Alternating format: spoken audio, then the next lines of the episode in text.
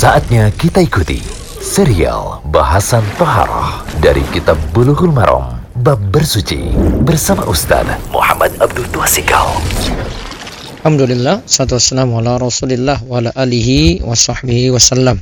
Kita sekarang berada di audio ke-77 pembahasan kitab Bulughul Maram dari kitab Toharoh masih tentang tayamum. Kali ini kita lihat hadis ke-134.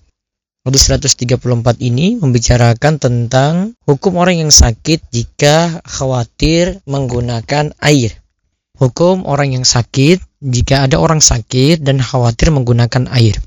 Kita lihat hadisnya itu dari Ibnu Abbas radhiyallahu anhu tentang firman Allah wa in kuntum marda aw ala safarin jika kamu sakit atau dalam perjalanan.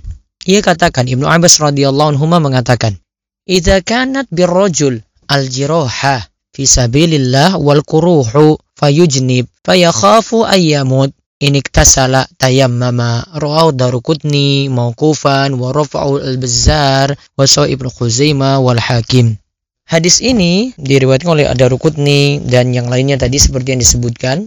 Kita simpulkan dari hadis ini ini adalah tafsir Ibnu Abbas radhiyallahu untuk orang sakit. Jika dia itu memiliki luka, ya ketika berada di jalan Allah fisabilillah atau kuruh terserang penyakit ya kudis ini sebenarnya bukan pembatasan. Ini sebagai contoh. Ya pokoknya ada orang yang sakit ketika khawatir menggunakan air maka dia dibolehkan untuk tayamum dia dibolehkan untuk tayamum walau lam yusallil istimal ilal maut.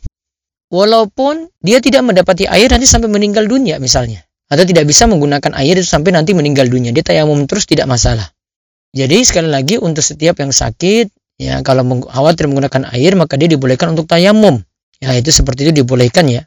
Kemudian faedah yang lainnya lagi, hadis ini menunjukkan bahwasannya junub ini bisa jadi tertimpa pada orang yang terkena luka gitu ya. Sebagaimana yang disebutkan dalam hadis ini.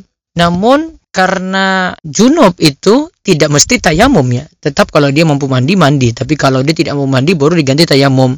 Jadi ini juga cuma sebagai contoh saja. Jadi kalau ada yang sakit kemudian itu dalam keadaan junub ya maka dia tayamum. Bisa jadi juga dia dalam keadaan tidak punya wudhu kemudian ada luka yang ini khawatir tidak boleh. Dokter katakan sama sekali di bagian tubuhnya tidak boleh terkena air maka dia bisa ganti wudhunya ya dengan tayamum. Jadi tayamum bisa menggantikan wudhu dan mandi sekaligus. Dan yang disebutkan dalam hadis ini visabilillah ini jalan Allah ya yaitu dia berada dalam safar ini juga cuma secara umum saja, tidak menunjukkan persis kalau ini cuma kejadian saat safar. Bisa jadi orang tidak dapati air atau susah menggunakan air selain pada keadaan safar. Jadi nanti dilihat kondisi masing-masing seperti itu. Wallahu a'lam bishawab. Demikian serial bahasan toharoh dari kitab Bulughul Maram bab bersuci bersama Ustaz Muhammad Abdul Tuasikal.